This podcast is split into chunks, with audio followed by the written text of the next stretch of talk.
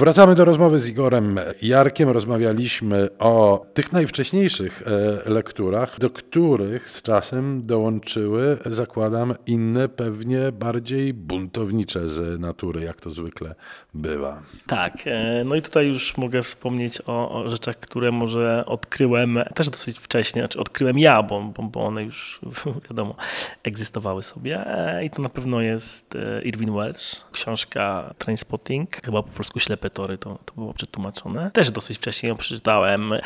Jeszcze biegałem, pamiętam, do mojej mamy, podpytując się o różne wyrażenia e, związane z jakimiś narkotykami, czy z czymś, czego ja do końca nie rozumiałem. Tak, tak, Irwin Welsh, ten, ten jego język, to w jaki sposób bohaterzy przeklinają i, i zarazem prowadzą życie no bardzo smutne, ale, ale to wszystko się czyta z pewnym sznitem e, to.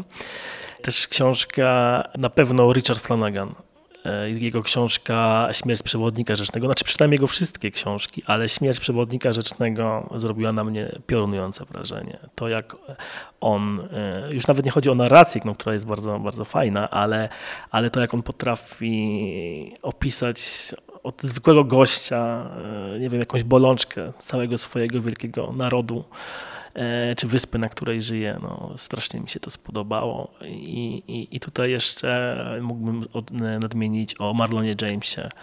Historia Siedmiu Zabójstw to była pierwsza książka, którą przeczytałem długo się zabierałem, bo reggae to nie jest mój klimat. Ja myślałem, że to będzie bardziej o Bobie Marleyu i tak dalej. No on tam praktycznie się, on tam tylko jest śpiewakiem w tej książce, nie pojawia się nawet jego imię i nazwisko. To też jak to, ta książka, że tam każda, każda osoba jest jak w teatrze, e, ma swoje imię, nazwisko u góry na początku strony i po prostu mówi. E, te języki są inne. Tam, tam, tam nie wiem, gangster mówi inaczej niż szef CIA i, i to są zmiany bardzo, bardzo duże.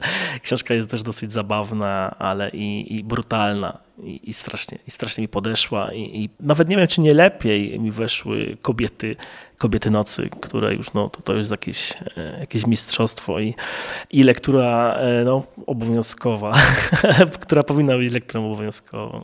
A ja jeszcze chciałem pod koniec dopytać, bo mam wrażenie, że Halny jest też bardzo świadomie osadzoną w e, popkulturze książką, nawet jeżeli tego nie widać na pierwszy rzut oka, ale to jakoś podskórnie e, czuć, bo zakładam, że te literackie spotkania są obwarowane całą masą mm, lektur uzupełniających, wychodzących poza karty książek.